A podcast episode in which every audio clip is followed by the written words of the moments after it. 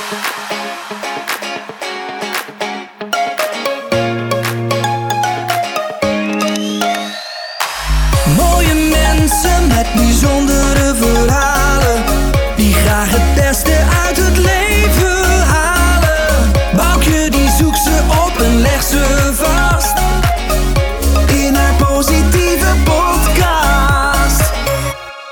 de Positiviteitspodcast. Mijn naam is Boukje Jongendijk en mijn gast van vandaag is Helene Ietsma.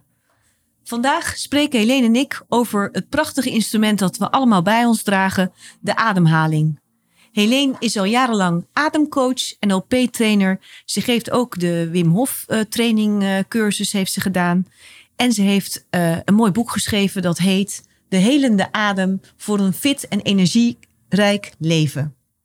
Zij neemt ons helemaal mee in het, eh, ja, de wereld van de ademhaling. We doen dat natuurlijk elke dag, zo'n 25.000 keer per dag, heb ik begrepen. Zij gaat ons een heleboel daarover vertellen. Bijvoorbeeld, wat is de relatie tussen je gezondheid en ademhaling, tussen emoties en ademhaling.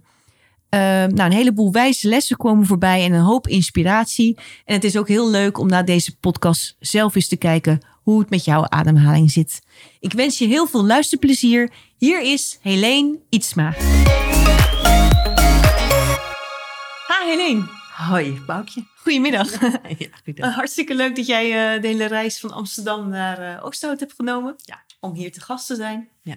En eh, ik ben heel erg blij dat je de gast wil zijn. Want ik heb jou via Astrid Davidson eh, nou ja, mogen connecten. Ehm, zij is in eh, twee podcasts hiervoor geweest. En ik eh, vond het heel erg mooi dat jij over ademhaling een heleboel weet. Om daar eens eventjes eh, met een... nou ja, eens even wat nader naar te kijken. Gaaf. Ehm, als ik het goed heb begrepen, heb jij een heleboel dingen gedaan, ook om jezelf te ontwikkelen. Dus je hebt NLP-opleidingen gedaan. Je bent bij Wim Hof volgens mij in Ja. een heel vroeg stadium als een van de Eerste, in de eerste lichting ja, zat ik, zeg maar. Ja, leuk. Klopt. Ja. geweest. Daar gaan we straks, zou ik er ook nog wel iets over willen vragen. Mhm. En eh, je bent eigenlijk ademexpert, als ik het zo mag zeggen. Ja, nou, expert zou ik mezelf nooit durven noemen, maar eh ademcoach. Ik vind jou wel expert. Ja. ja. Ja. En eh, je hebt nog yogaopleiding gedaan? Ja. Nou, wat me ontzettend intrigeert is ook dat jij van kapper... Ja. Nou ja, nu... Van kapper naar coach noemde Wim Hof het. Ja, Oh ja, van kapper naar coach. ja absoluut. Ja. Maar heb je, wil je nog zelf daar iets aan toevoegen van eh, hoe, jouw, ja, hoe je leven eruit ziet? Ik vind het wel leuk om te weten. Van, eh, ja, Ja, hoe het er nu uitziet. je hebt kinderen geloof ik hè? Van, ik heb eh, drie kinderen. Ja. Klopt, ja. En ik ben gescheiden. En na 30 jaar samen. En dat vond ik ook wel een hele tocht. En ja. ja, ik ben zeg maar... Zal ik een beetje beginnen bij het Ja. begin? Een beetje chronologisch. Ja, vind ik leuk. Ik ben eigenlijk met persoonlijke ontwikkeling in aanraking gekomen, vind ik zelf al in mijn puberteit. Want toen kreeg ik ziekte van vijver. Ik was veel moe. En ik weet toen ik 18 was, zat ik bij een iriscopist. En, eh, want ja, verder kan je moe, ja, wat kan je daar nou aan doen? Mhm. Dus toen zat ik bij een iriscopist en toen moesten we eh, gezonder eten, macrobiotisch. En, en ik woonde al samen. En ik woon- woonde jong samen. En eh, nou, ik geloof dat we drie weken prei hebben gegeten. En toch, toch wel weer... Ik was niet zo'n goede kok. Misschien werd je daar En nog meer moe van. eenzijdig eh, deden we dat. Dus die kwam ons neus uit. Dus, maar goed, dat was een beetje de macrobiotische periode. Maar daarna ben ik dus van alles nog wat tegengekomen. Want ik bleef wel moe. Dus je bent op zoek gegaan. Ik ben op zoek gegaan. Mhm. En zo kwam ik van alles nog wat tegen. En eh, in mijn ja, twintig jaar was ik vrij, ook 30 jaar geleden heb ik, eh, deed ik reiki bijvoorbeeld. Oké. En eh, was toen ook nog niet zo bekend, maar dat kwam toen. En eh, nou, vond ik helemaal leuk. En zo kwam echt van het ene, ging ik naar het ander. Intuïtieve training, voetreflexzone, massage. En dan ging ik er helemaal in op. Dacht ik, oh, dat ga ik doen. En dan was ik na een jaar klaar. En dan dacht ik, ja, nou nee, dat ga ik niet doen. Mhm. En toen, eh, eind 20 jaar, kreeg ik kinderen. En toen, toen eigenlijk ontdekte ik, ik vind coaching leuk. En eh, toen was ik ook eens bij een handanalyse iemand geweest. En die zei, jij hebt iets met communicatie. En het kappersvak is hartstikke leuk. Ja, dan ben Maar je ook best wel met je ja, klanten bezig. Absoluut. Ben je Mhm. echt eh, in verbinding met mensen en eh, aan het coachen zou Misschien je kunnen ook wel, ja. Absoluut. En ik ben ook heel jong voor mezelf begonnen. Toen ik 21 was, vond ik ook gewoon, dat maakte mijn werk leuk. Dus ik had leuke En was jij klanten, zelfstandig dus ja. kapper? Ja. Oh, dus je was al aan het 21 was. ondernemen ook heel vroeg Ja, dan? ja. Ja, ik, ja sinds ik 21 ben, ben ik al ondernemer, kan je Leuk, zeggen. ja. ja. En eh, ja, zo eigenlijk in mijn dertige jaren ben ik echt meer in het coachen gegaan. En eh, ja, ontdekte ik echt, wauw. Dit, eh, ja, dus zo. En vooral in mijn dertig jaar had ik ook een ongelofelijke honger. Onverzadigbaar was ik in workshops, coaching, trainingen, boeken. Echt een zo van, ik slurpte het helemaal op. En het mooie is, nu ben ik niet meer, ik heb geen honger meer. Maar ja, ik zeg altijd, trek blijf ik altijd houden. Maar de honger is een Weet beetje gestild. Ja, de honger is gestild, maar ik hou altijd trek. Weet je wel, Ja. zo dat. Ja. En hoe is die honger gestild?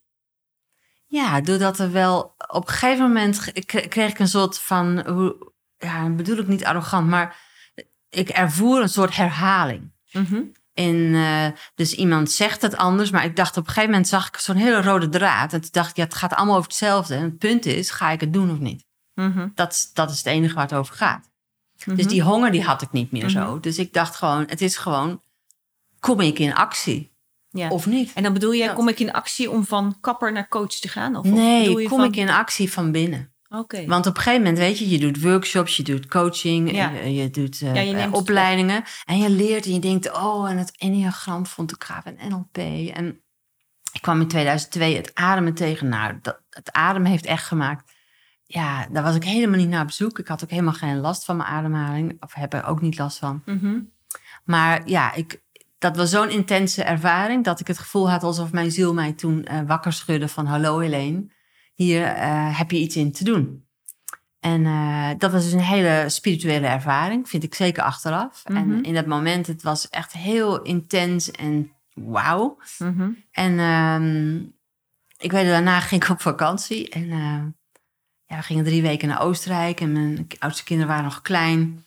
En dan ging ik joggen 's morgens in een bos daarachter. Maar dan, dan bleef ik heel lang weg. Want dan ging- zag ik een bankje. En dan ging ik op het bankje zitten. En dan, dan zat ik gewoon daar te zitten.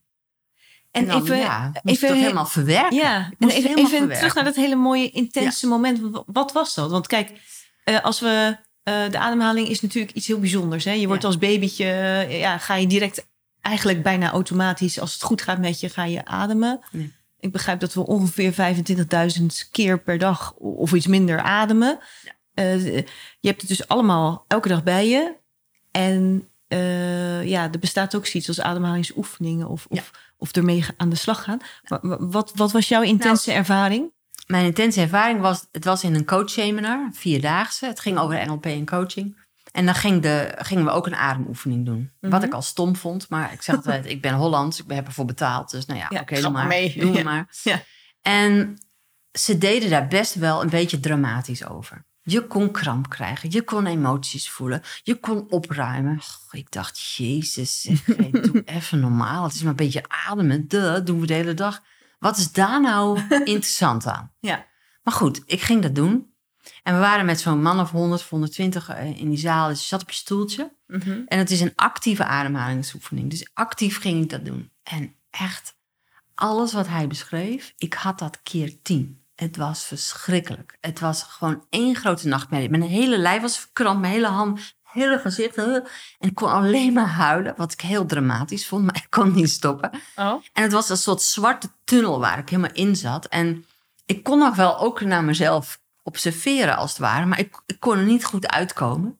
Totdat eh, op een gegeven moment, eh, nou, ik hoorde ook iedereen weglopen en ik zat maar in dat gehuilenbalk. En ik, ik kon zo ervaren van, jezus Helene, doe niet zo dramatisch. Maar ja, het gebeurde me gewoon. Mhm. En toen, toen uiteindelijk kwam die trainer naar me toe en ehm, nou, die stelde wat vragen en toen was ik er weer eh, uit. Mhm. Maar ik dacht, jemig, wat is dit? Mhm. Afschuwelijk. Maar ik was ja, wel wel afschuwelijk. ja, Ja, het was afschuwelijk, maar ik was helemaal onder de indruk van, want niemand zei iets. Hè? En je deed het zelf. Dus het enige wat ik veranderd had, was dat ik actief was gaan ademen. Dat was het. En daar bedoel Geen je mee... eh, niks. Nee, dus er werd niet gepraat, maar niks, je moest geen een bepaalde... gewoon niks. Alleen eh, maar actief diep in en uitademen, diep in en uit. En als je actiever gaat ademen, de actieve ademtechniek, dan eh, krijg je meer zuurstof, je CO2 gaat dalen en je krijgt daar eerder tinteling of kramp van. Eigenlijk zou je kunnen zeggen, bewuste hyperventilatie zit je te doen. Mhm, Dus die symptomen kun je gewoon ook krijgen. Nou, die had ik tot en met. mhm. En dan kom je eigenlijk in een onderbewust stuk van jezelf. En ehm, in de jaren 60, 70 eh, is daar wel heel veel mee geëxperimenteerd. Eh Stanislav Grof is eigenlijk de meest bekende, ook wel daarin, een psychiater. Mhm. En die eh, heeft met LSD en psychedelia heel veel gewerkt. Hij had een soort snoepdoos totdat dat een beetje afgepakt werd. ja. Precies. En toen ontdekte hij, ja, hoe kan ik die mensen die LSD-ervaring laten geven naar door de adem? Oh. Maar goed, ik had een soort bad trip, zou je kunnen zeggen. maar de volgende dag deden we dat weer. En dan in het zwembad. Want er was in zo'n eh, zo'n eh, Centerparks gebeuren was het. En eh, nou, wij allemaal, stond je daar in je badpakje en iedereen die wilde. En, Maar even kijken, boven water, onder ja, water? nou, Of, eh, eh, je stond daar en de bedoeling was dat je dus in het water ging dat iemand je vasthield. Maar ja, ik ben heel vaak een beetje laat, toen ook. En ehm, nu ook, vandaag ook bij jou. Nee, maar dat viel wel mee, Maar- was een Brabants kwartiertje. Ja, God, eh. en ehm, dus ik had de opdracht niet zo goed gehoord. Want ik dacht, wat kun je nou in hemelsnaam in dat water doen? Hè? Dus ik dacht, nou ja, oké, ik, ik kom maar. Maar wat kun je daar nou eigenlijk doen? Ik had geen idee. Dus wat was de bedoeling? Dat de, iemand jou vasthield Mhm. onder water, zodat alleen maar je hoofd nog boven water bleef. Nou, en eh, we waren dus met echt zo'n 100 man. Ik denk niet dat iedereen er was. Oké, man of 80. Dus iedereen liep erin en ik eh, was eh, ja, als voor het laatst gekozen bij Gym. Dus eh, daar stond ik en we waren, hoe heet het, oneven. Dus ja. Dus ik dacht, oké, dit is niet bedoeld voor mij. Kijk, zo ver was ik dan wel. Dat ik dus je dacht, nu kan ik gaan. Ik dacht, nou ja, het is gewoon niet de bedoeling. Ja. Gisteren was al heel naar. Het universum zegt, Helene, dit hoeft niet. Dus ik liep naar die leraar, Roy Martine was dat. Die deed in die periode heel veel seminars, was heel bekend. Mhm. Dus ik liep naar Roy. Ik zeg, nou Roy, gisteren heb je gezien wat een drama queen ik was. Dit is niet de bedoeling, denk ik. En toen zei hij, nou, dan ga je met mij. Nou, Oh, toen had ik helemaal zoiets, heb ik dit, moet dit echt in mijn Nee, had je misschien niet. Dus ik dacht, nou oké dan maar, we doen het. En Mhm. eh, ja, dus later heb ik hem wel eens gesproken. Dus ik zeg, ik weet niet of het nou kwam door jouw arm, dat ik in jouw armen lag of eh, dat het de adem was. Misschien de commie.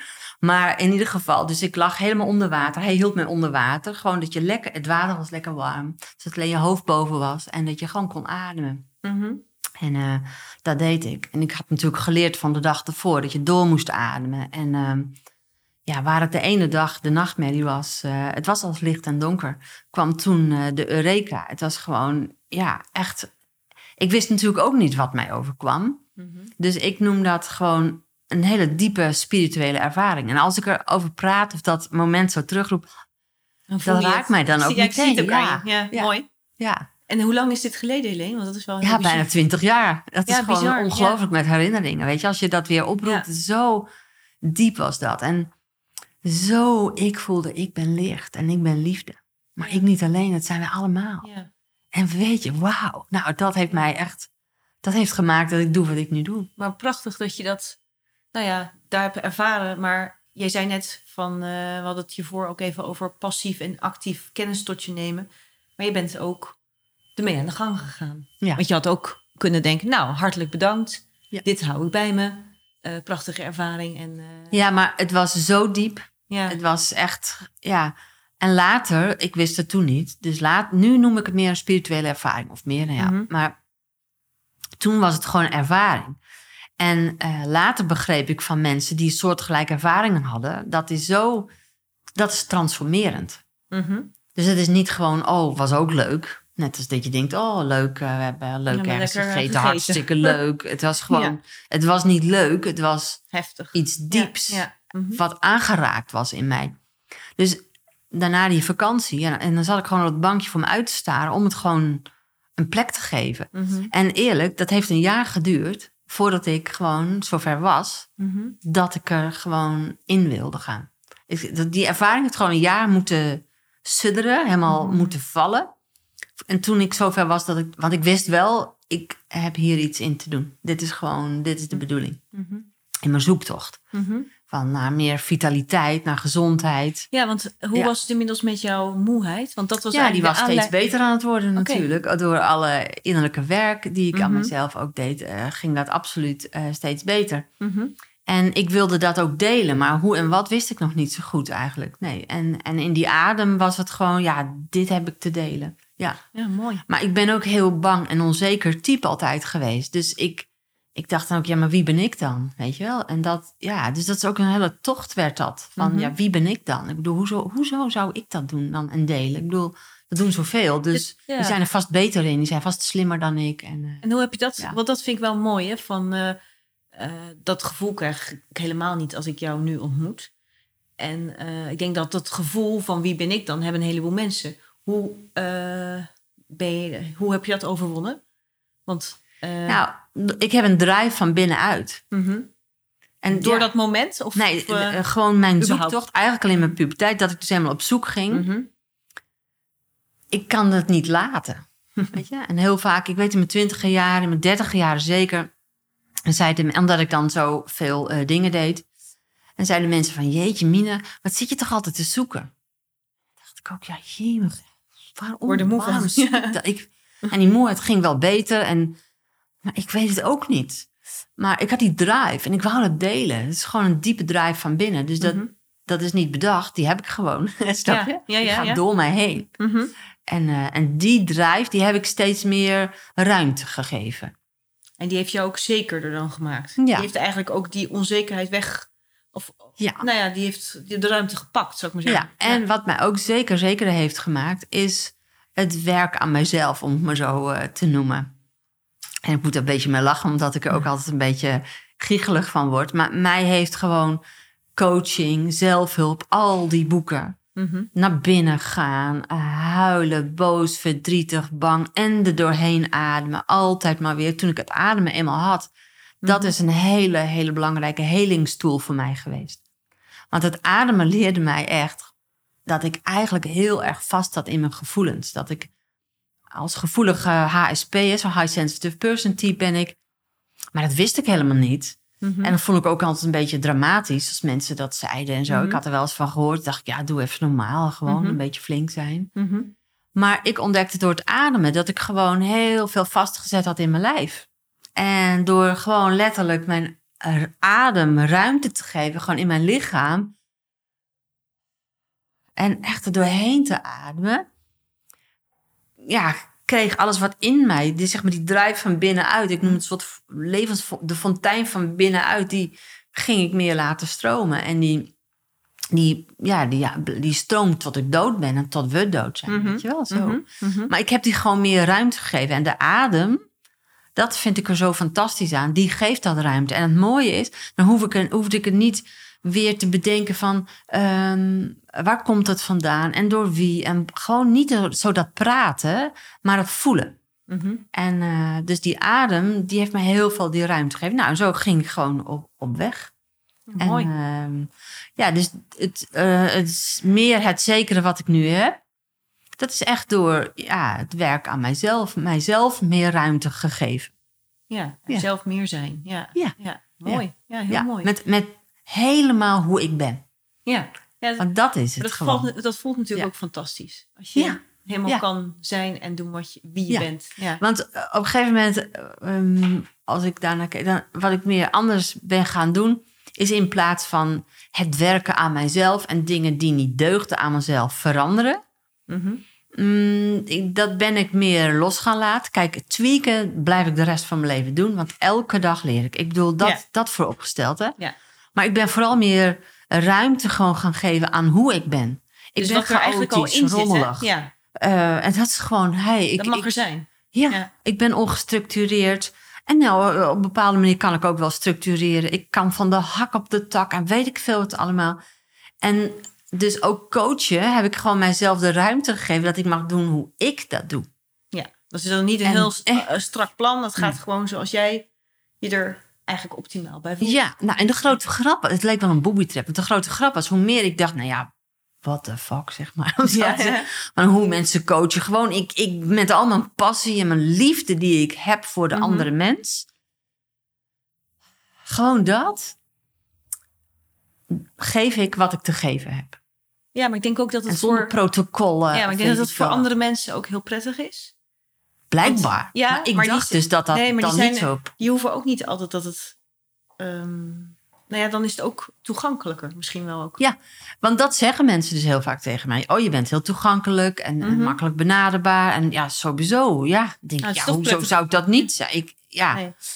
Of je bent zo jezelf. En, en, ja, dus ik vond het zo, de booby trap voor mij was dus hoe meer ik gewoon dacht, nou, boeien hoe iedereen erover denkt. En weet ik veel welk protocollen, coaching, bladibla. Ik kan alleen maar mezelf zijn. Ja. Ja. en eh, ja. Ja, ik vind het ook wel mooi dat je zegt van... dus niet ook de hele tijd bezig zijn met... eh, wat moet ik aan mezelf of gaan veranderen. nee. Dat is ook heel vermoeiend. Ja. Dat is... eh, Ja. Toch? Van, eh, Ja, want dan deugde ik steeds niet. nee. Maar weet je, ik deug al lang en jij ook en wij allemaal. Wij zijn gewoon perfect en geweldig zoals we zijn. En dat leuk. feit, weet je, dat Ja. gaat me echt aan het hart. Als mensen dan denken, oh, ik moet eerst nog dat. Hoeft helemaal niets. Je bent gewoon prachtig zoals je bent. Ja. Ja, mooi hè? Ja, dat. En eh, als je nou vertelt over je ademhaling, van, eh, dat is wel wat me intrigeert. Kennelijk ben jij anders gaan ademhalen.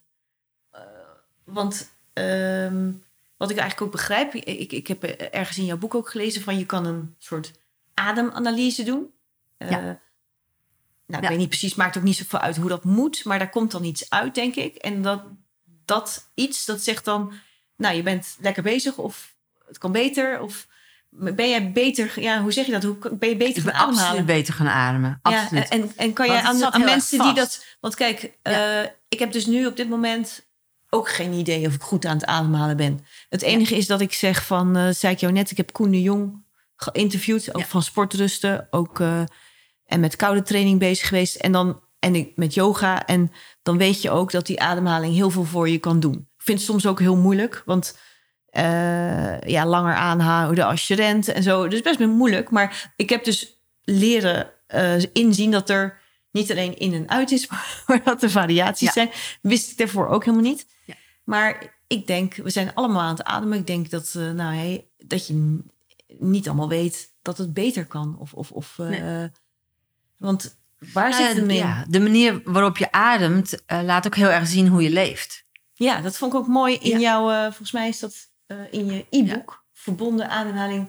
Zoals je ademt, zo leef je. Ja. Want wat bedoel je daarmee? Ja, nou dat leerde ik dus. Dat Mhm. de manier, en nou, ik vond het eerst ook een beetje bullshit. Ik dacht, ja, hoezo dan? Mhm. Maar ja, ik ontdek dat gewoon echt wel is. Nou, als voorbeeld, als je gestrest bent, wat doet de mens? Dan, dan adem je heel hoog en, en snel, want oh, je moet van alles. En dat is prima, dat doet je lijf, want hup, de adrenaline, je moet gewoon gaan. Mhm. Dus dat is ook prima. Mhm. Ehm, alleen, als jij s s'avonds op de bank zit en je ademt nog steeds zo, dan is je lijf nog steeds aan het stressen en Mhm. aan het, eh, eh, eh, wat moet ik allemaal? Mhm. Maar het hoeft niet meer. Dus als je dan op de bank zit en je hebt nog steeds zo'n ademhaling, dan is het eigenlijk de manier waarop je leeft. Het is eigenlijk gewoon, je leeft hartstikke gestrest. Mhm. Veel gestrest dan nodig. Mhm. Maar dat, dus dat, eh, als je dan kijkt naar jezelf, dan kun je kijken, hé, hey, maar hoe adem ik dan eigenlijk? Mhm. Dus daar kun je dan iets van leren over jezelf. Dus dan kun je dus eigenlijk weten van, hé, hey, ik denk wel, oh, taakje X zit daarop. Dat was vanmiddag. En Ja. nu eh, heb ik die niet meer. Maar mijn lichaam, die doet nog alsof ik bezig ben met taakje X. Dus ik ben eigenlijk nog hartstikke in de stress, zeg Ja. maar. Nou, en ehm, dus jouw adem, die weerspiegelt eigenlijk de manier waarop je leeft. Dus ehm, het mooie is van die adem, we hebben longen natuurlijk. Mhm. En je kent allemaal wel de buikademhaling, toch? Mhm. Onze longen, als je die goed uitzet in rust, Mhm. dan gaat je middenrif, dat duwt naar beneden. Het kan wel drie tot vijf centimeter zelfs naar beneden duwen, dat middenrif. En als je dat middenrif zo naar beneden duwt, dan beweegt je buik. Mhm. Nou, en dan je buik, Als je handen je dan kan je dat Je organen die Ja. Mhm. krijgen een massage. En dan voel je dat inderdaad. En dan Mhm. zie je ook die buik naar voren gaan. Weet je, een beetje opzij natuurlijk naar achter. Maar dat zie je niet. Dus vooral die buik naar voren. Je organen geef je een duwtje. Dus dan geef je echt dat onderste deel van je longen. Die zetten uit. Hè? Zo. Ja? Dus je gebruikt dan ook die onderste eh, deel van je longen optimaal. Nou, zo is het dus eigenlijk bedoeld in rust. Maar nou heeft ons onderbewustzijn heeft, eh, iets bedacht dat als jij namelijk ademt en eh, je schrikt of je vindt iets eng, wat doe je dan? Dan hou je vast. Ja. En ons onderbewustzijn die heeft meer bedacht van hé, hey, dan voel je dus even niet. Dus dan schakel je eigenlijk even je gevoel uit en kun je rationeel bedenken. Stel je voor, hè, we zitten hier op een hoek, een- ineens een auto, de, een Ja. klapper, dan Ja. Ja. doen we dit en dan kunnen we gewoon, hebben we overzicht, kunnen we gewoon kijken, oké, wat is nodig? Nou, en Het is daarna, eigenlijk een soort reflex of zo? Absoluut, ja. Mhm. nou ja, en als we opgroeien En eh, we schrikken en we hebben verdriet of we, we willen iets en het wordt Mhm. niet begrepen. En dan is het gewoon heel vaak handig voor een kind om dat even niet te voelen. Mhm. Nou, en dat is heel handig voor een kind om te overleven. En vooral als je nare, nare dingen meemaakt. Mhm. En dat nare, dat hoeft niet meteen een groot trauma te zijn. Het kan ook gewoon zijn dat je drie bent. En eh, je, weet ik veel, eh, je, je hebt eh, honger en, en je bent moe. Mhm. En je gaat keihard huilen en je wordt helemaal afgesnauwd. Mhm. Maar jij bent alleen maar hongerig en moe. Mhm. Maar je bent drie en, en je hebt niet de woorden om dat duidelijk te maken. Dus je bent gewoon strontvervelend, om het zo te zeggen. Dus je krijgt misschien, als je pech hebt, nog een tik voor een draai om je oren. Mhm. Grote mond. En als je helemaal pech hebt, moet je misschien zelfs nog wel zonder eten naar bed. Want je bent zo lastig. En je had al zijn trek. En, je- snap je? En je Ja. was al zo moe. En nou ja. En dus je werd totaal onbegrepen. Nou, Mhm. dat ja, is niks dramatisch aan zich, op zich, weet je wel. En want je Mhm. kan wel lieve ouders hebben, maar die begrepen je helemaal niet. Nou ja. Ehm, nou, en dan heeft ons onderbewustzijn, die stopt dat dan gewoon mooi weg. Want je moet natuurlijk wel gewoon weer door. Nou, en zo heb je dat naarmate je dingen meemaakt. Mhm. Is het gewoon handig dat jij mee kan dealen. En dat je dus dat, die scherpe pijn niet meer zo voelt. Dat is Mhm. gewoon slim bedacht van ons lijf. Met als gevolg dat wij dus delen in onze ademhaling. Ja, en ik, ik zie het als een soort tunnel en ik doe hem Ja. een soort van dicht. Ja, af. Maar ja, Afknellen, En, ja, je zo? knijpt zo delen in je lijf af. En Mhm. dus die adem zie ik als een tunnel met verstoppingen. ja. Nou, en dan kun je prima oud mee worden en dood Dan kan je gaan. zo doorheen rijden. Precies. En Ja. dan ga je er helemaal zo doorheen. Zigzaggend. Ja. Ja, en dan eh, eh, houdt het een beetje op. En dan wordt het, stel je voor, het is een beetje file. Nou, en dan eh, gaat het ineens heel traag. En dan Mhm. wordt het ook, wel sta je dan in die tunnel, een beetje benauwd te zijn, toch? Het is Mhm. gewoon allemaal een beetje stroperig, vermoeiend. Mhm. Een beetje suf word je er ook Mhm. van als je in zo'n tunnel staat. Nou, die adem is ook gewoon die tunnel. Dus hoe opener die tunnel, die adem is, hoe een betere doorstroom er is van jouw hele zijn. En dan bedoel ik met jouw hele zijn niet alleen je lichaam, maar ook je emoties, die kunnen weer doorstromen. Maar ook je denken. Want als je veel piekert en zorgen maakt bijvoorbeeld, dan voel je dat vaak ook in het lijf. En die mensen die, het zit vast in het lijf. Dus op het moment als ik mensen die veel in hun hoofd piekeren en zorgen Mhm. hebben, Ja. en dat lijf zit vast. En vooral in het middenrif noemen we dat meer die angstgordel. Dan Dus dat knijpt ook het af. Een, rela- een relatie met de emoties. absoluut. Dus als je dan weer doorademt. Dus het zijn vaak die oude onderdrukte dingen. Jouw Mhm. lijf die beschermt je. Dus die onderdrukte boel. En die zet het dus dicht. Mhm. Maar ja, dan ben je, weet ik veel, dan ben je 35. Ja, dan ben je niet beter van gaan ademen, zeg maar. Maar ook niet beter van gaan leven. Want je zit dingen te onderdrukken. Nou, daar kan je dan psychotherapie op doen. Maar vaak, hè, vaak kan het lijf wel daarvan ontspannen. Maar ook heel vaak zit het toch nog vast in het lichaam. Ik heb wel echt heel vaak mensen sessies gehad. En dan zeiden ze na één sessie, zeiden, jee, maar Geileen, dit is hetzelfde als tien jaar psychotherapie. Ja, Weet je wel, zo van wauw, de inzichten, de diepe inzichten die ik nu heb. Maar eigenlijk kom je ehm, ze zelf tegen. Ja, Toch? je komt je voelt ze, je ervaart je eigen patronen, je eigen neigingen. Die kom je helemaal tegen door een ademsessie te doen. Mhm. En door eigenlijk te voelen hoe voelt het in mijn lichaam. Dus als het zo strak zit, wat voel je dan als je een ademsessie gaat doen? En dat is dus eh, mijn eerste ervaring ook. Als je actief gaat doorademen, dan voel je dat het strak zit. En dat je Mhm. dat je benauwd bent of dat Mhm. je emoties hebt. Nou, huil maar. Emotie duurt maar 25 tot 90 seconden. Dus Ja, nou, dat hoorde ik jou echt is ook, zeggen. eh, dat duurt Dat is niet ook zo lang. heel kort. Ja, zeker. Toch? Nou, dan zi- zitten mensen soms hun hele leven te onderdrukken. Ja, want dat, dat vind ik dan intrigerend. Een emotie duurt, nou ja, 29 seconden. Tussen de 25 en 90 seconden. Oh, ik gelezen. 25 en 90 seconden. En waarom blijf je dan soms in je hoofd met iets eh, uren doorgaan? Nou, de rauwe emotie voelen vinden we vaak zo eng dat je die wegstopt. Oh ja. En dan blijf je er maar over malen. Maar als je nou echt rouw gaat voelen en dus doorademt, letterlijk lucht geeft aan die emoties, is een grote grap. Dan, want En dan als je laat je huilt, bewust toe. Eigenlijk. ja, je gaat er ja, je ademt gewoon ruimte. Want als je met huilen, wat is het allerlekkerste aan het huilen? Dat je dan aan het einde Die zucht. die grote zucht van verlichting. Huh, dan ben je er. Nou, dat kun je dus ook bewust actief doen. Dan ho- hoef je niet te wachten tot jouw lichaam het doet. Je kunt dat met je bewustzijn inzetten. Mooi. Ja. Nou vind ik het eh, eh, kijk, jij weet er een heleboel van af. En, en dus je weet ook waar je eh, op moet letten. Maar als je nou... begint het allemaal met bewust worden van je ademhaling? Want kijk, zolang je gewoon in en uitademt en je bent er niet mee bezig... Ja, heb je ook geen notie of het lekker gaat of niet lekker. Misschien gaat het fantastisch omdat je een, eh, nou ja, een lekkere diepe ademhaling hebt. Misschien niet. Kan. Ja. Dus je moet eigenlijk eerst bewust worden wat je ademhaling is.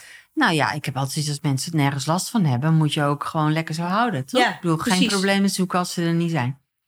Maar als je dus dingen hebt in je leven die je wel wil verbeteren, veranderen, Mhm. in je lichaam voelt ook nog. Of het is allemaal verbonden met elkaar. Dus het is fysiek, eh, emotioneel, maar ook absoluut mentaal. Dus als je mentaal in de knoop zit, echt, dan stroomt jouw adem niet vloeiend en vlot. Echt niet. Nee, is wel grappig. Want Nee. eh, misschien, wat jij net in het begin ook zei, ga je met problemen juist op zoek bij ander soort eh, specialisten.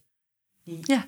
met andere dingen aan de gang gaan. Ja. Terwijl je eigen, En- en- je eigen en. tool heb je bij je. Die zou je. Ja. eh, ja. Maar iemand moet, ja, die moet je wel als het ware begeleiden en daarin meenemen. Ja. En gelukkig ook steeds meer, ik geef een ademcoachopleiding en ook steeds meer eh, psychologen, psychotherapeuten die hebben door, ja, het is gewoon het lijf en die geest, weet je, het is allemaal en en. ja, het is natuurlijk ook fijn als dat soort eh, Ja. mensen weten dat dat dit mooie eh, eh, instrument er ook is. Ja, Van, Ja. eh, ja, het zit in ons lichaam Ja. En het is makkelijker dan je denkt. Maar ja, het is gewoon ehm, emoties voelen. We hebben zo geleerd afgelopen eeuwen. Weet je, vrouwen die eh, zijn natuurlijk altijd wat meer, eh, ja, laten we zeggen, in de dommere hoek ge- geduwd. Hè? En wij zijn, vrouwen zijn gewoon emotioneler. Dat is ook onze kwaliteit. Hè? Dat, we kunnen sneller ener- energie lezen. Het is natuurlijk een beetje oertechnisch. mhm. Wij moesten de kinderen verzorgen en de man op jacht, dat idee. Ja. Nou, en het is belangrijk dat je dus de zorgen van de ander en, en in de groep met de vrouwen dat je doorhebt van hé, hey, hoe gaat het allemaal? Dus dat, dat emoties, zeg maar, ja, het, het lezen, het aanvoelen, dat kunnen vrouwen wat meer. Maar het werd ook wel, eh, ja, eigenlijk gewoon als vrij snel als een vrouw emotioneel is, als een beetje hysterisch gezien. Mhm. Dus het is wel heel erg, mm, ja, meer ja, geaccepteerd geworden dat eh, als je serieus genomen wil worden, dan is dat meer emotieloos. Weet je wel, zo. Nou, nou ja, vrouwen hebben nou eenmaal eerder over, even, ik chargeer enorm, Ja, ja. ik generaliseer mega, maar Nee. dat boeit me niks. maar ehm, dus als je snel emotioneel bent, ja, nou, dan wil je dat niet. Dus je kunt je voorstellen dat gevoelens daarmee eigenlijk eerder onderdrukt werden. Mhm. Dat dat dus hoger gewaardeerd wordt. Dat is het punt wat ik wilde maken. ja, ja, ja, ja. Het wordt hoger gewaardeerd als jij gewoon zonder Coole emotie... kikker bent. Een coole Ja. kikker, de, de, de, de, de, zegt. Dan word jij eerder geloofd. En het zogenaamd allemaal onder controle. Absolute feit, ja. Nou, ehm, ja, dus als jij dan ineens gaat voelen in jouw lichaam, dan heb je daar natuurlijk helemaal geen zin in, want dan ben je geen coole kikker meer en dan, dan weet je niet waar dat naartoe gaat. Nee. Want dat heb je toch helemaal niet geleerd? Nee. Dan denk je, oh god, nou word ik een en al een drama toestand. Maar ja, ja, en dan is dus het, wat ik dus van kan ook ademen- mooie, kan mooie dingen ook brengen, hè? juist. Jawel, Ja. maar ja, toch, als jij in een vergadering iets wil zeggen, wil je toch liever die coole kikker zijn. Want je wil eerder eh, serieus genomen worden. Ja, toch? Ja, en dus op het moment dat jij dingen onderdrukt, dan blijkt dat je helemaal niet zo'n coole kikker bent. Want dan kun je bijvoorbeeld, ga je misschien niet huilen, maar ga je misschien snauwen en boos worden. Mhm. Dat wordt dan soort wel een beetje geaccepteerd nog, weet je wel? Mhm. Maar ehm, ja, andere emoties onderdrukken mensen gewoon. Omdat het niet gewoon is om die toe te laten. Als kind, als een kind valt, het eerste wat mensen doen is dat kind zorgen dat hij zo snel mogelijk ophoudt met janken. Het is misschien ook wel een beetje onaangenaam geluid, een beetje hard soms. Maar eigenlijk, als je gewoon rustig een kind geruststelt, houdt het heel snel op. Maar echt, als je op straat, ik let er natuurlijk op, vind ik super lollig. Je snoepje. Meteen, meteen. Meteen wordt, ge, wordt Ja. het gechargeerd van... oh, het valt wel mee, het is al over, ik zie niks. Je hebt geen bloed, je Nee. hebt geen... Is niks gebeurd. Hoezo, mag jij niet even vier, vijf grote uithalen doen? Wat is er mis mee? Ja. Zodat die adem zich herstelt. En ja. Mooi, hè? Ja. Moet meteen onder druk. Ja, nou ja, Nee. het is zo. Dus ja, dus ik vind dat gewoon geweldig... Dat, dat je dus gewoon de ruimte mag geven, ja. Dus mijn weg is gewoon dat ik het mijzelf de ruimte mocht geven. En eh, ja, In je wel, ademhaling. eh, in ja, in eerste mijn adem. instantie ruimte Ja. gegeven hebt. Ja, En daarmee dus in mijn leven. Ja, gaaf. Ja. ja. Ja. hey Helene, ehm, nou heb ik begrepen, of, of ergens gelezen, denk ik, dat ehm, eh, zelfs in dit boek, dat was een aanrader van jou in Ja, een van je absoluut. laatste nieuwsbrieven, dat heet Het Nieuwe Ademen van James Nestor. Nestor. En dat is net vertaald, als ik het eh, Ja. begrijp. Zijn eerste hoofdstukken gaat helemaal over neusademhaling. Ja. En dat ging nogal ver. Want als je door je mond... Er waren allerlei experimenten gedaan. ehm, dat mensen door hun mond moesten ademen. Deze schrijver volgens mij ook. En dat was echt een ramp. En dan na twee weken ging ook je gezicht veranderen. Nou, ik weet het allemaal niet. Maar conclusie voor mij was... Oh, neusademhaling is eh, beter dan mondademhaling. Kan je daar eens iets over vertellen? Ja. Dat Ja. intrigeerde me. Nou, inderdaad, onze neus is er dus voor eh, bedoeld en voor gemaakt. Ja. en, ehm, ehm, maar door de mond kan ook. Je mond is gewoon een goede backup voor als die neus verstopt is, om welke reden dan Mhm. ook maar. En, ehm, dus het is een backup. En eh, dus niet een eerste bedoeling dat je daarvoor gaat, door gaat ademen. En op het moment als mensen verkouden zijn, dan is het dus mooi dat je dus gewoon door je mond kan ademen. Maar op een gegeven moment moet je wel weer snel door die neus gaan ademen. Nou, en als mensen steeds meer door hun mond gaan ademen, dan is, is het vervelende ook. Dan gaat die neus ook eerder weer meer dicht van zitten. Snap je? Dus Ja? het wordt dan ook een soort van moeilijker om het door te ademen. Want Omdat heel- hij inactief wordt of zo? Of, eh? ja, en dan sluit hij meer af. Ja. En nou ja, niet helemaal natuurlijk. Mhm. Maar ehm, dus op het moment dat, dat het dan steeds moeilijker wordt, dan zeggen mensen: ja, maar ik kan niet meer door mijn neus ademen. Ja, kijk, er zijn altijd mensen die kunnen het niet. Eh, Mhm. om, wel, om redenen. Weet je, dat zijn uitzonderingen en eh, die moeten geopereerd worden of eh, het komt wel goed. Of som, bij sommige mensen komt het nooit goed. Mhm. Gelukkig heb je nog een mond. hey, Ja. dus ga je niet dood. ja, Mhm. toch? Ja. Dus dat scheelt. Ja. Maar al die andere mensen, dat zijn, is dus eigenlijk bijna iedereen, die moeten door hun neus ademen. En we, we, doen- en we doen het niet. En waarom doen we het niet? Want dat is dan natuurlijk ook de vraag. Hè? Waarom gaan mensen dan, als je denkt, ja, het is goed door je neus te ademen, waarom doen we dat Mhm, dan niet mhm. automatisch? Omdat we ook meer gestrest zijn. Als, als je meer gestrest bent, ja, Ja. prompt door je neus ademen. Hè? Nou, nee, ik zat al. Ik zat al eh, nee, want ik, ik vind het wel heel grappig. Volgens mij gaat dat vrij aardig. Ik heb er wel straks een vraag over. Ja. Ja. Ja. Nee, maar eh, als Ja, je als je gestrest dus bent, ga je dus bent- sneller door je Ja, mond want ademen. dan eh, door je mond heb je makkelijker meer lucht. Oh ja. Het is gewoon Een diepe teug door je mond is gewoon, je doet je mond open, komt Mhm. makkelijker, hapketee, gewoon veel lucht, komt, meer liters komen er sneller binnen door je mond als door mijn neus. Ja. Snap je? Dus het is een soort gemakkelijker gaat het. En ehm, het nadeel daarvan is, je komt dan eerder als je te veel ademt naar de arbeid die je levert. Dus te, je ademt meer dan jij nodig hebt in dit moment Ja. dan kom je eerder in een stresssituatie, zeg maar. En is je lichaam meer geactiveerd. En is dat met de mond? Gaat dat sneller Ja. dat je meer ademt dan nodig? Juist. Je ademt meer liters sneller dan jij nodig hebt. Oké. Ja. En dus door je neus ben je ook gewoon veel sneller ontspannen. Oh. Sowieso ben je fysiek, heb jij minder liters lucht, eh, adem je eh, minder automatisch in. Als je Mhm. door je mond inademt, adem ik makkelijker een grotere, diepere teug. Dus zeg maar Mhm. meer liters in als door mijn neus. Mhm. En op het moment dat ik te veel zuurstof heb en mijn CO2-gehalte in mijn bloed gaat naar beneden, want dat gaat er dan gebeuren, Ja. dan gaat zeg maar glad spierweefsel in mijn lichaam eh, meer verkrampen, eerder verkrampen. Mhm. Vaten eh, gaan dus eerder meer verkrampen. En vooral ook rondom je longen, maar ook bij je neuslijmvlies. En ehm, Oh. dat kun je dus voelen. Dus als je last hebt van astma. Mensen met astma, echt, die ademen bijna allemaal veel te... Of bijna, ze ademen veel te snel en ook te diep. Ook bijna allemaal door hun mond. Zitten de hele tijd... Ja, ik had, dat Zou was wel doen. mooi. We hadden deze week, eh, ik doe nou net een yogaopleiding. En daar vroegen, dat ging toevallig over ademhaling vorige week. En toen vroeg eh, de docent aan de groep, wie heeft er ervaring met ademhaling? Nou, ik vertelde van sporten, van hardlopen. En er was een meisje met astma. En die vertelde eh, dat zij dus ervaring had met ademhaling. En dat het daar giga had geholpen om van de astma af te komen. Ja, ik wist ook niet wat ik hoorde, maar eh, dat verband had ik al helemaal nog nooit gehoord.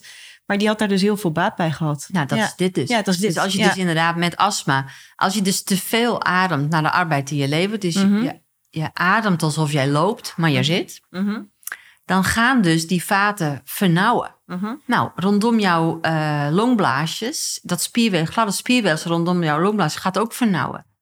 Je bent gewoon meer benauwd. Oh ja. Dus op het moment dat jij je adem reguleert, kan dat rondom jouw longblaasje gaat dat ontspannen.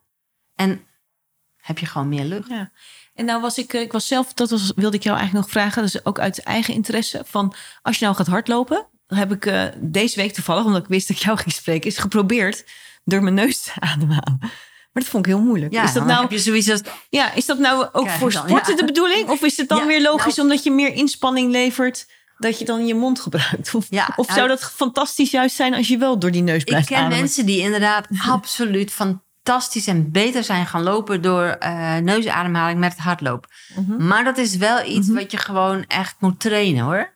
Dus dat is wel eh, even intrainen en wennen. Ehm, maar ja, dat, dus dat, dat is even een kwestie van tijd.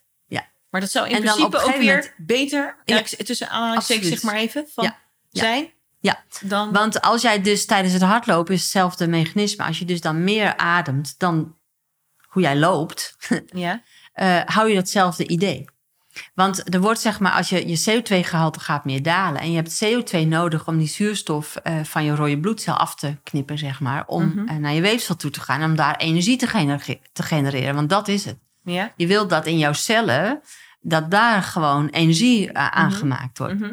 En als ons CO2 te laag is, dan gebeurt alleen het hoognodige. Dus als jij je CO2 ietsje hoger hebt, dan wordt er dus letterlijk meer zuurstof van je rode bloedcel eh, losgelaten.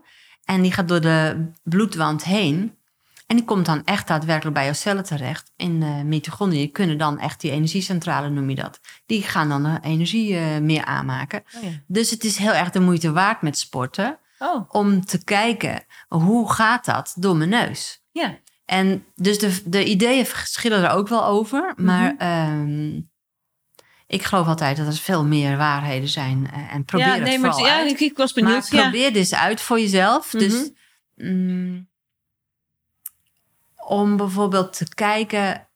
ehm, hoe kan ik joggen toch met mijn domme neus? ja, door langzamer als te je lopen. benauwd, door, ja, Precies, door, denk door het ik. op te Ja. bouwen. Ja. Ja. En op het moment dat je het benauwd krijgt, nou, dan kan je altijd ook nog even in die benauwdheid doorlopen. En op een gegeven moment denk je, ja, nou ben ik er klaar mee. Nu wil ik gewoon alles vergeten en lekker Dan denk je, lopen. hey, ik heb nog een dan mond. loop je weer even lekker. Snap je? ja. Dus, Want spelen met de adem, dat, dat moet je niet licht nemen. Je moet niet denken, oh, dat ga ik meteen. eh. Nee. Want in, in eh, geheime genootschap vroeger noemden ze dat ook... ehm, mensen gingen pas met de adem aan de slag als de goeroe vond dat je er aan toe was. Mhm. En in yoga, jij doet zelf ook een yogaopleiding, heb Mhm. je acht stappen. ja. Achtvoudige Achtvoudig pad pad, van ja. Patanjali. Dus ehm, stap drie is dan eh, de asana's. Mhm. En dan stap vier is de pranayamas, dus meer de adembeheersing en de ademoefeningen. Maar dat komt dus na de Ja. houdingen. ja, dus die asana, ja, Het is zijn de houdingen en dan daarna komt de ademhaling. Ja, ja. En dus pas als die goeroe vroeger vond dat jij er aan toe was. Maar ja, we leven nu gewoon in een eh, ander tijdperk. ja, ja. Dus, dus eh, die goeroe, dat zijn wij zelf. Wij hebben die goeroe aan zich niet meer nodig zoals dat Mhm. eh, vroeger nodig was. Dat is gewoon die shift. We zitten gewoon in de hele ommekeer op aarde, in mijn idee. En dus wij zijn onze eigen goeroe geworden. En, eh, maar wees daarmee wel eh, met respect en in rust. En, en kijk, ja, wees lief voor jezelf, weet je Mhm. wel. Forceer jezelf niet en denk niet... oh, nu moet ik dat helemaal meteen goed kunnen. Geef jezelf daar jaren de tijd voor of zo, weet je wel. dat Nee, want dat, eh, er zijn ook op jouw website, daar zullen we straks nog even ook de, de vindplaats vernoemen, maar er zijn heel veel ademhalingsoefeningen ook die je kan doen. Hmm. Ik vraag me daar altijd bij af, kan je dat gewoon op eigen houtje doen? Kleef, oftewel, kleven daar gevaren aan? Hè? Want eh, ik bedoel, jij vertelde net van je eerste, ehm, nou ja, je Ja. eerste ervaring met bijna hyperventileren. Kan je gewoon bepaalde dingen wel alleen doen? Of eh, moet je dat altijd met iemand die er verstand van heeft doen? Nou, ik vind inderdaad wel dat het helpt als je bij iemand bent. Maar ik vind ook in de tijd waarin we leven... oh, YouTube is gewoon Ja. één grote goudmijn Ja, voor persoonlijke ontwikkeling. Als men, ik heb wel eens mensen die zeggen, oh, ik heb geen geld voor een cursus. Dan zeg ik, dat hoeft ook niet. Er is zoveel gratis op YouTube. Mhm. Als je alleen al daar echt helemaal losgaat en dat ook echt doet, Mhm. knap je op. Weet je wel? Ja. Nou, mijn idee, mijn tip is eigenlijk altijd: doe gewoon eh, rustig aan. En het gaat meer mis, in die zin mis, dat mensen niet één keer per dag een ademoefening doen, maar dat dan eh, bijvoorbeeld ehm, tien keer eh, in een uur gaan doen. Ja. Nou ja, als je dat de hele dag doet, ik bedoel, ik zou ook hyperventilatie krijgen, weet je wel? Ja. Ja. Ja, dan mailen ze mij. Ja, ik eh, let de hele dag op mijn ademhaling. Ik denk, nou, als je dat doet en je Dat bent niet getraind, word je helemaal gek. Snap je? Ja. Nee. Of, of ik weet, in, eh, ik weet eh, een paar jaar geleden deed ik een eh, masterclass bij, een yoga masterclass bij iemand. En eh dan gingen we ook eh pranayama's doen.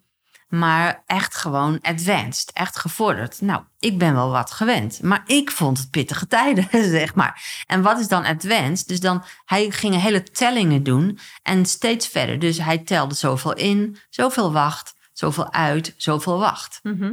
Nou, ik ben wel wat gewend, dus ik kan dat wel. Weet je wel, zo. Maar ik vond het al heel pittig. En het was dus steeds langer rekte hij dat op. Dus het langer in, langer uit, eh, langer vast, uit, vast. Als je het niet gewend bent, dan krijg je gewoon stik benauwd. Weet je wel? Dus ik weet dat eh, in de pauze zei iemand die naast mij zat. Ze zei, jezus, hé, het was niet te doen, die ademhalingsoefening. Hoe deed jij dat? Ze zei, ik, eh, ik heb gewoon niet meer meegedaan. Hij let toch niet op, dus Ja. wat boeit het? Nee. Ik zei, ja, ik, ik, ik vond het ook veel te veel. Nee, dat dus, hij dus dat zo... even ook voor de luisteraar. Ik bedoel, Precies. er zullen er vast zijn die er wel heel actief wel. Maar als, je dit, als dit nieuw voor je is. Echt, doe het ik, ik vind het gewoon een heel aan. interessant onderwerp. Omdat ik denk van ja, er valt volgens mij eh, voor ieder mens wel iets te halen. Dat, Ja. dat is gewoon mooi. Ja. Eh, maar je tip is eigenlijk doe het rustig aan. Doe het rustig aan. En echt Ja. Één keer per dag een oefening doen is toch al geweldig als je niks gewend bent. En wat is dan een eh, aardige oefening? Is, is er dan iets... Nou, eh, dat je wakker wordt. Ja? Dat je gaat, eh, en als je geen meditatiekussen hebt, prima. Dan bengel je je voeten uit het bed. Mhm. En dan ga je eens even waarnemen, hoe adem ik? Mhm. En dan, nu hoor ik een kindje Ja, hoor een buiten. En die wordt niet meteen En die wordt niet, hè? nee, Goed, hè? geweldig. Dus mijn complimenten, moeder daar. Superleuk. Heel goed, die mevrouw die, eh, die snapt het. Ehm, dus als je dan wakker wordt, eh, dus eh, je kunt dus ergens gaan zitten of je, je even op het bed. En neem dan eens waar, hoe adem ik nu? Mhm. En gewoon het waarnemen. Dat noem je je lichaamsbewustzijn vergroten. Dus zonder dat het meteen hoger, sneller, lager, dieper, beter, weet ik het wat. Vooral langzamer. Mensen willen Mhm. allemaal meteen een buikademhaling. Ehm, maar observeer. Dus neem eens waar, hoe adem ik? Nou, ga dat gewoon eens twee weken lang doen. En dan zet je de wekker, twee minuten, je observeert. Je observeert je eigen ademhaling. Mhm. En na twee weken ben je ergens achtergekomen. Dat je misschien niet zo lekker doorademt, of dat je hoog ademt, of dat je de ene dag eh, sneller ademt en de andere dag rustiger. Het waarnemen, het observeren is gewoon goud. Ja. En Dus ook, dan, dan weet je wat je uitgangspunt ook is, hè? precies. Ja. En zo leer je jezelf beter kennen. Ja. Dus alleen, het begint dus met het waarnemen. Nou, en als je dus kan waarnemen, dan kun je het ook beïnvloeden. Want als jij dan merkt dat jij bijvoorbeeld, als je last hebt van stress of spanning, Mhm. en je gaat je ademhaling observeren, zul je meteen waarnemen dat die sneller is dan nodig. Mhm. En dan kun je dus gewoon hem rustiger maken. Dan maak je hem rustig. Nou, dan kan je bijvoorbeeld tegen jezelf zeggen: Oké, adem in, adem uit en wacht. Want in de uitademingen zit je ontspanning. En als je uitademing even wacht na het uitademen, Mhm. spreek je parasympathetica. Parasympathetica, dat is het zenuwstelsel wat jou ontspant. Oké, ja. En dan spreek je direct jouw ontspandeel aan. Ja, mooi. En het begint met het waarnemen. Dus dat is gewoon eh, mega eenvoudig Ja. en heel erg effectief. ja, en ook leuk, denk ik, om eh, van jezelf eens te bekijken. Ja. Van, eh, ja, Je leert jezelf echt kennen Ja. daardoor. ik, ga, ik, ga, ik ben heel benieuwd. Ja. nou wilde ik nog heel eventjes naar jouw boek, als het kan. Ja. Eh, je hebt, eh, volgens mij was het 2014 ongeveer, heb Ja. je dit boek geschreven van Helende Adem voor een fit en energiek, energierijk leven. Ja. En nou, ik, heb, ik vond het een heel leuk boek. Want het gaat over ademhaling. Als je gewoon in zijn algemeenheid er wat meer over wil weten. En er staan ehm, ja, leuke, nou, toegankelijke oefeningen in. Dus die niet Ja. zoals jij in je advanced eh, had. Nee, Die je dus echt volgens mij op eigen houtje zou kunnen doen. Hè? Als absoluut. ik het eh, ja, zo eh, bekijk. Ja. Ehm, wat ik heel leuk vond, ook dat jij ook in zijn algemeenheid nog een hoop schrijft over ehm, wat je kan helpen om te komen nou ja, waar je naartoe wil. Want je schrijft op een gegeven moment iets over concentratie en over, als ik het goed zeg, motivatie.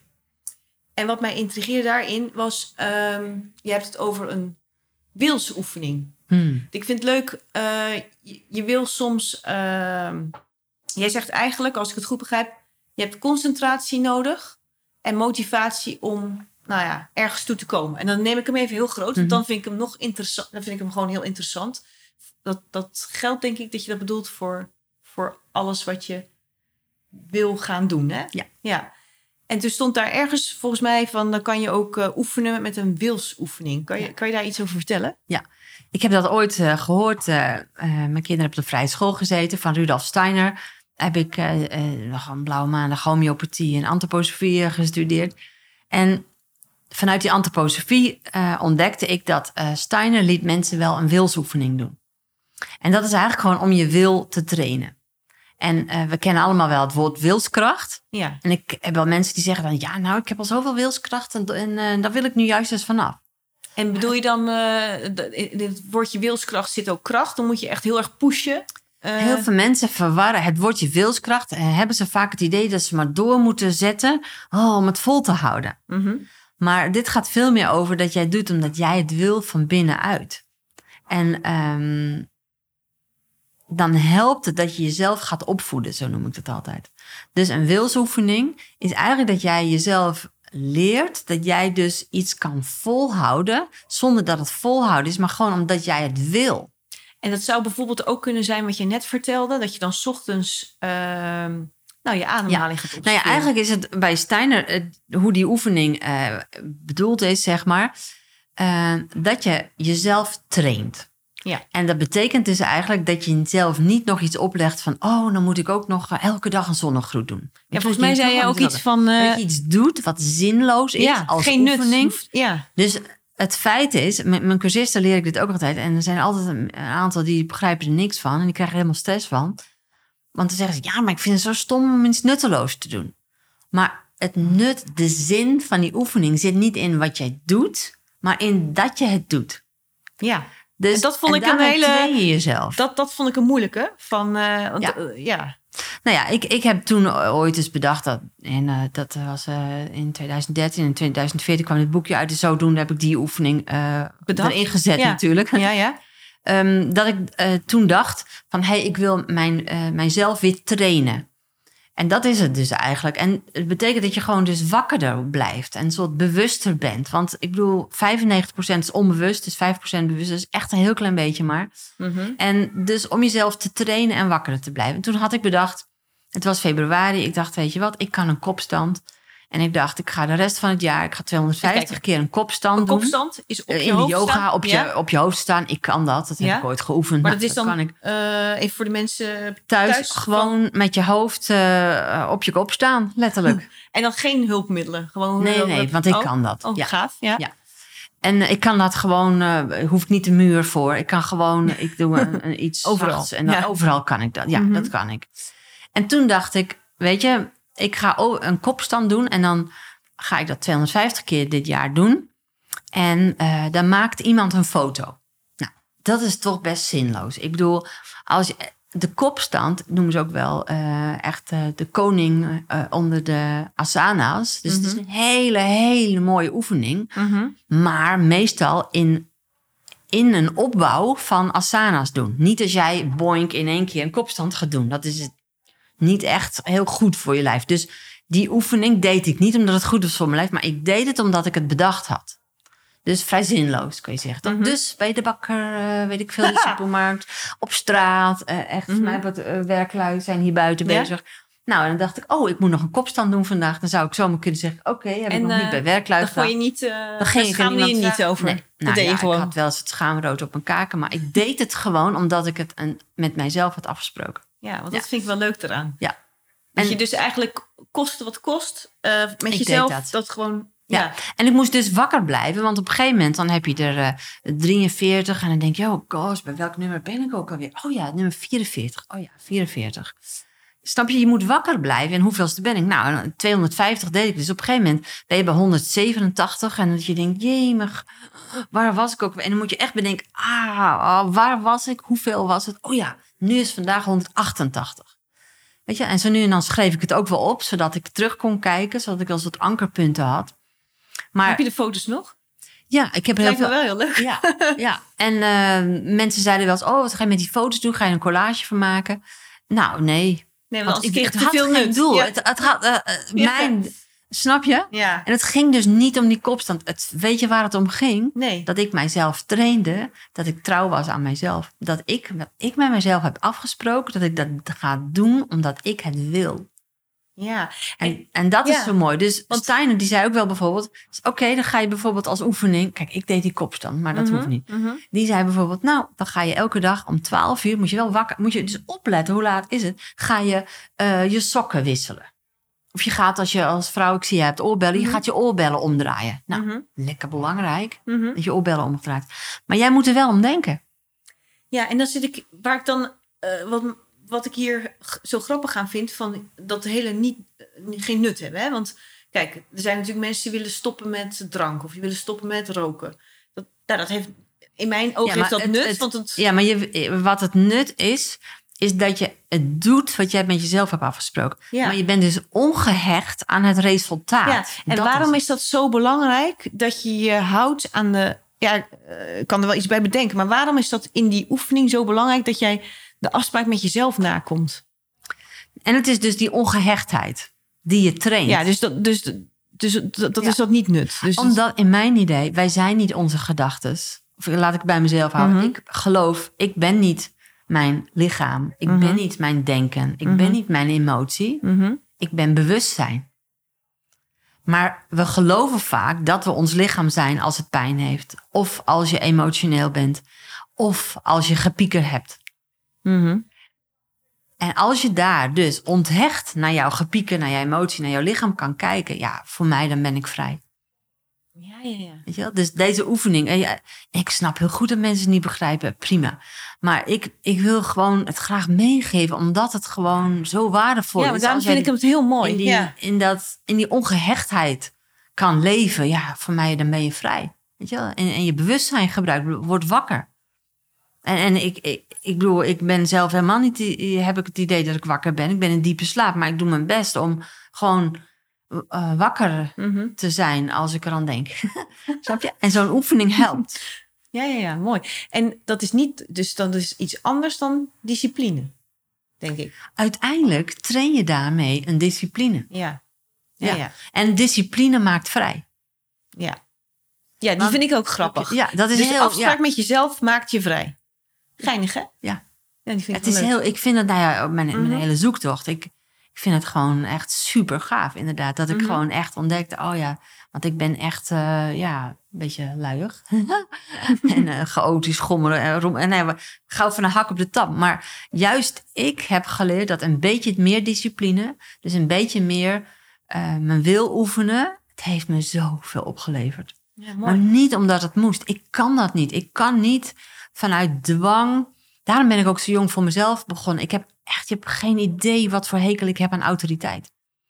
echt, dat- ik ga daar echt, eh, dat trek ik gewoon niet. Dus ik wil vrij zijn. Ja. En, en ik ben vrij. En, en ik gun mijzelf Mhm. dat ik mijzelf dus meer in een discipline doe. Omdat ik weet dat dat rust geeft. En daarom helpen ademhalingsoefening, daarom helpt meditatie. Weet je, daarom helpt oefening doen voor jezelf. Dat hoef ik voor, voor niemand te doen. Maar door die discipline mij aan te eh, wennen, Mhm. Heb ik mijzelf meer vrijgemaakt. Snap je? Hoef ik voor niemand te doen. Nee, is mooi. Ja.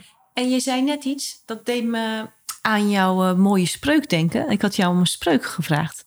Ja. En weet je, ik, ben hem even niet, ik weet hem even niet precies. Je, je, je bent niet je lichaam, je bent niet Nou, je... dat zei ik net inderdaad. Want volgens mij kwam die net ja, voorbij. Ja. Klopt, ja. Ehm, ja. Je bent niet je lichaam, je emoties of je denken, maar je bent zoveel meer. ja. Ja, dat. Voor mij is, is dat, want dat is in het ademen wat ik dus bijna twintig jaar geleden voelde, dat ik licht en liefde ben. En ik heb een keer of zes, ehm, zeg maar, zo'n spirituele ervaring mogen hebben, dat ik zoveel meer ben.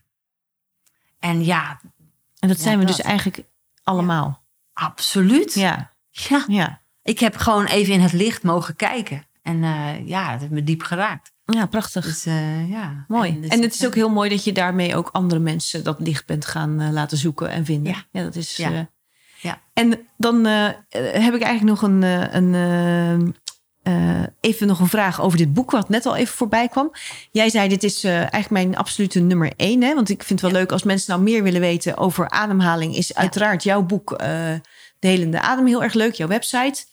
Maar wat maakt dit eh, zo'n Ja, zo'n Nieuwe Adem hè, van James Nestor Ja. Ja. Ja, wat ma- maakt het zo'n eh, eh, goed Nou, boek? Waarom? Voor mij, hè? Ja, voor jou. Kijk, ja. als ik kijk naar mijn zoektocht. Ik kwam dus in 2002 een bepaalde ademtechniek tegen. Mhm. En in die hoek toen, in die community om het maar zo te zeggen, was gewoon, dat was, dat was het. Oké. Toen kwam ik ook hartcoherentie tegen. En toen dacht ik, oh wauw. En dan zei ik dat tegen die leraar. En die had zoiets van, ja, nee, ja, god, eh, dat hoeft niet of zo. Mhm. Ik heb toen ook dat helemaal losgelaten, die, die hele movement, om het maar zo te zeggen. Want dan kreeg je weer de regeltjes, daar hou ik niet van. dus ik heb dat losgelaten. En ik ben op, op eigen zoektocht gegaan. En ik kwam allerlei soorten ademtechnieken tegen. En dat vond ik, en het een doet dit, het ander doet dat. Ja, want even voor ons idee, hoeveel soorten, waar, waar, waar moeten we denken aan een verzameling van 100 of moeten we, hoeveel technieken zijn nou, er? je hebt wel een aantal, nou ja, uiteindelijk ehm, is de moraal van het verhaal altijd hetzelfde. Mhm, In rust adem je rustig en kalm, zeg maar. mhm. Eh, je hebt zeg maar healingsademtechnieken, het verbonden ademen. Het is echt de actieve doorademen. Mhm. En heel veel ontspanningsademhalingsoefeningen. Nou, dan heb je allerlei soorten tellingen daarin.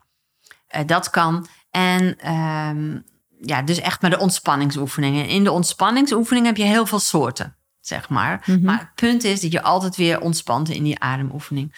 Maar ehm HeartMath is een bedrijf bijvoorbeeld, eh, wat ehm, ontdekte dat ons hart en ons brein, eh, als je rustig en kalmer ademt, in een, bepaalde, in een bepaalde frequentie komt. Dus ons hart en ons brein. En dat onze adem heeft natuurlijk effect op je hartslag. En je hart heeft Mhm. direct weer connectie met jouw brein. En HeartMath is echt zo'n instituut wat dus ontdekte dat adem effect heeft op ons hele zijn. Op onze, kan onze veerkracht vergroten. En ehm, ja, dat doet iets met ons. En zij hebben dat eh, wetenschappelijk bewezen. En dus ik kwam in mijn hele zoektocht allerlei dingen tegen. En Mhm. ehm, dat vond ik zo gaaf. Ja, En daarin was ik heel lang alleen in mijn idee. Want dan hadden mensen zoiets van: Oh, wat doe je? Doe je dit of doe je dat? Ja. dacht ik: Ja, het gaat mij niet om. Ik doe niks. Ik Nee. doe alles. Ja. Weet je wel? Ik doe wat ik nu nodig vind. Mhm. En zo zie ik dat. Nou, en dat boek van James Nestor, voor mij omschrijft hij dat. Oh, dus hij ver- omschrijft die verschillende ademtechnieken, al die verschillende hoeken die er zijn. Oh, mooi. Maar dan die rode draad en, die, en wat ze overeenkomen, zeg ja, het is een soort overzicht en, en nog ook Ja. wetenschappelijk eh, Ja, ook is eh, en bewezen dat hè, nu. heel veel ja. mensen fijn. Ja. En vind ik best wel grappig. Ik bedoel, de yogis deden dat al eh, honderden duizenden jaren. en het werkt fantastisch. En dan eh, is het nu is het pas echt waar, omdat het wetenschappelijk Ja, bewezen De nee, wetenschap is heel jong en dat vind ik best wel lollig. Maar Ja. oké, maar dat vinden mensen dus fijn en daarom vind ik dat ook fijn. Ja, ja, ja. Nee. Dus, dus in die zin is het een belangrijk handboek. Eh, Absoluut, Ja. ja. En zeker mensen die meer rationeel zijn. Dit is echt gewoon onderlegd met ehm, artikelen waar, waar je het weer kunt vinden. Ja, ja, ja. Waar ja. heeft hij dat vandaan gehaald? Ja. Weet je wel? Ja. En dat is gewoon in die zin een belangrijke stap eh, in de Mooi. ademwereld, denk Ja. ik. Ja. Dus eh, zo. En dat is ook wat Wim Hof eh, heeft gedaan. Ehm, Ja, want dat is natuurlijk wat bijzonder is bij jou. Dat jij helemaal in die eerste leerlingen, zeg ik Ja. maar even, groep was. Ja. In Hof 2000, bedoel je? ja, Ja. 2012 ben Ja. eh, die... eh, Ja, in 2011 ben ik met hem in aanraking gekomen en eh, ook mee geweest naar Zweden. Het was inderdaad nog niet bekend. Ik, we waren met zes andere mensen. zo. Ja, heel klein En je was echt met hem week. dan in de groep? Ja. Oh, toen ging hij echt nog zelf. Want je hebt nu natuurlijk eens zo over de Ja. hele wereld uitge... ge- Ja. gefladderd. Toen was hij niet populair nog in die Nee. zin. Nee, klopt. Nee. En ik wist dat. Ik En hoe voelde was dat, dat? gewoon aan alles. Ja, ik vond het. Ik dacht, wauw, kan ik een week met die man? Nou, dat wil ik. ja. En eh, dus thuis, eh, de kinderen waren nog klein, alles georganiseerd om dat zo voor elkaar te krijgen. En ja, super gaaf. Want ik dacht gewoon, ik wil gewoon wel weten, wat, wat doet hij, wat doet hij niet? Nou, ontdekte ik dat hij bijvoorbeeld heel vaak eh, één keer per dag at. Maar we kregen dan niet heel veel eten, dus dan at hij toch maar elke keer of zo. Maar Ja. hij at, ja, ik vond het gewoon fascinerend. ja. En ik, ja, je kon alles aan hem vragen, vond ik heerlijk. Ja, vond ik heel fijn. Nee, want ik vind het heel grappig. Ik heb, ehm, er was laatst iemand die zei: het lijkt wel de, hoe heet het, de, de koudwater eh, podcast. Maar er zijn zoveel mensen die ik heb gesproken in de podcast die iets met aan koude training doen. Ja. En ik was eigenlijk nog wel tenslotte heel belang, eh, benieuwd naar jouw ervaring Ja. daarmee. Want eh, jij bent ja. dat gaan doen. Ik ben En jij was een koukleum, omdat volgens mij? hij iets met meditatie deed en Ja. ademen. Ja. Nou, en die kou, die kreeg ik maar op de koop toe. Dat vond ik idioot. En ik heb zelf fenomeen van Renault. Dus Ja, ik mijn, heb, mijn eh, oma had dat ook. ja. Is dat met dat je vingertoppen Ja, en je ja. tenen een beetje, ja, hoe heet dat? Ja. Do, doods? de- ja, dode ja, vingers. dode ja. Ja, klopt. Dan, dan stroomt het bloed niet meer goed door. Dus eigenlijk ik ben je, al, ja. ja. dus eigenlijk vind je kou verschrikkelijk dan, Precies. toch? Ja. Ja. En, eh, maar goed, ik was dus met Wim Hof in Zweden. Ja, dus dag één was het al eh, in het koude meertje. Nou, ik had echt, ik heb gewoon nul talent. Dus zat op min 10 achter. Maar goed, dus het duurde drie dagen. En toen was ik eh, mentaal ook zover dat ik het kon. Even lang verhaal kort. Dus uiteindelijk vond ik het super gaaf. En alleen maar omdat het een mentaal spel is. Ja, het is en een mentaal dat spel. vond ik gaaf. Ja. Dat vond ik zo gaaf.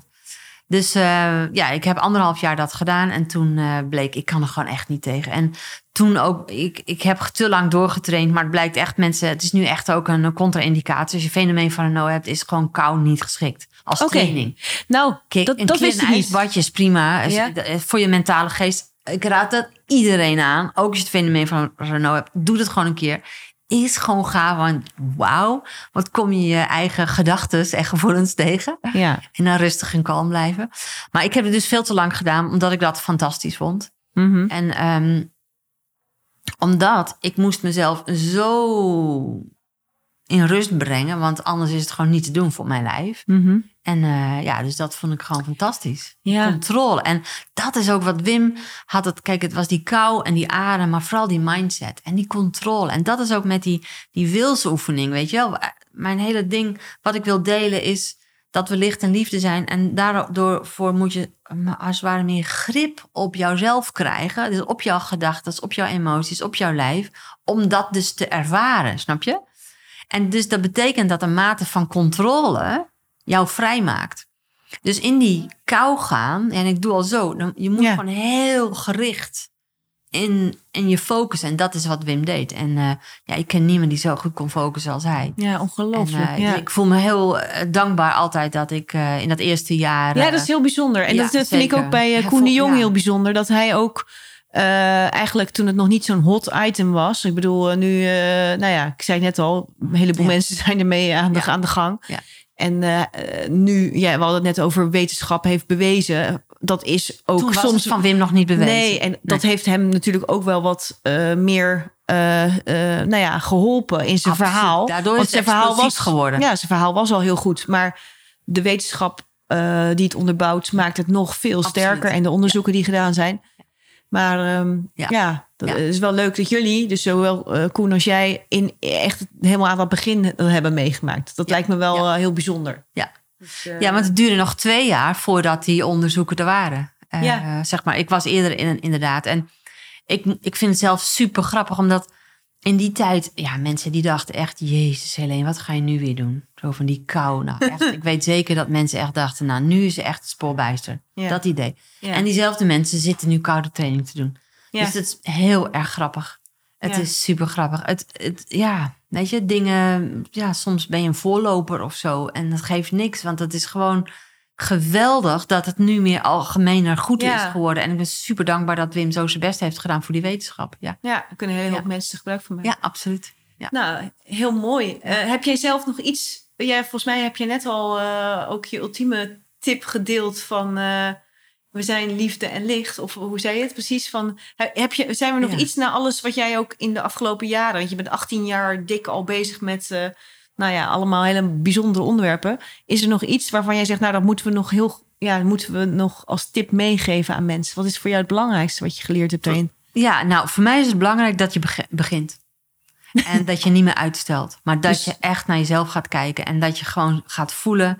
En dat je met je aandacht naar binnen gaat. Want het antwoord zit altijd van binnen. En mensen zijn zo afgeleid door de buitenwereld. Het is allemaal bullshit. Het is allemaal bullshit. Het zit alleen maar van binnen.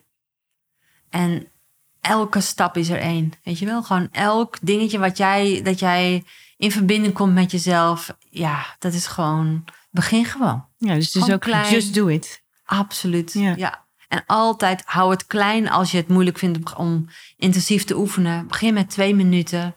Gewoon ga naast je bed zitten en wacht voordat je je bed uitstapt. En maak verbinding even met je adem. Hoe, voelt, hoe, voel, hoe voel ik mij nu? En begin gewoon, want het is zo de moeite waard. Ja, Mooi. Hartelijk bedankt, Helene. graag gedaan. Mooi. Dankjewel, voor je Dankjewel voor je- uitnodiging. Ja, jij hartelijk bedankt voor je inspirerende verhaal. Helene, hartelijk bedankt voor het interessante gesprek over ademhaling. En beste luisteraar, fijn dat je weer naar deze podcast hebt geluisterd. En hopelijk heb je er wat van opgestoken, een inzicht van gekregen of vond je het gewoon leuke informatie. Ik ben benieuwd. Wil je meer over Helene, weten of wil je in contact komen met haar? Dan kan je haar op social media volgen. Maar je kan haar ook vinden op haar website herleva.nl. Ik zal het nog een keer herhalen: herleva.nl. Daar kan je ook een eh, mooi e-book downloaden. Dat heet Verbonden ademhaling. Zoals je ademt, zo leef je. En daar kan je ook vinden welke eh, cursussen en een eh, opleiding Helene voor ademcoach kan verzorgen. Wil je kans maken op het boek Helende Adem? Dan hebben we een leuke winactie voor je. Ga dan naar mijn website boukjejongendijk.nl slash adem. Dus wil jij winnaar worden van dit mooie boek? Ga naar boukjejongendijk.nl slash adem en geef je op. Fijne dag gewenst, graag tot de volgende keer. En ik zie jullie weer. Dankjewel.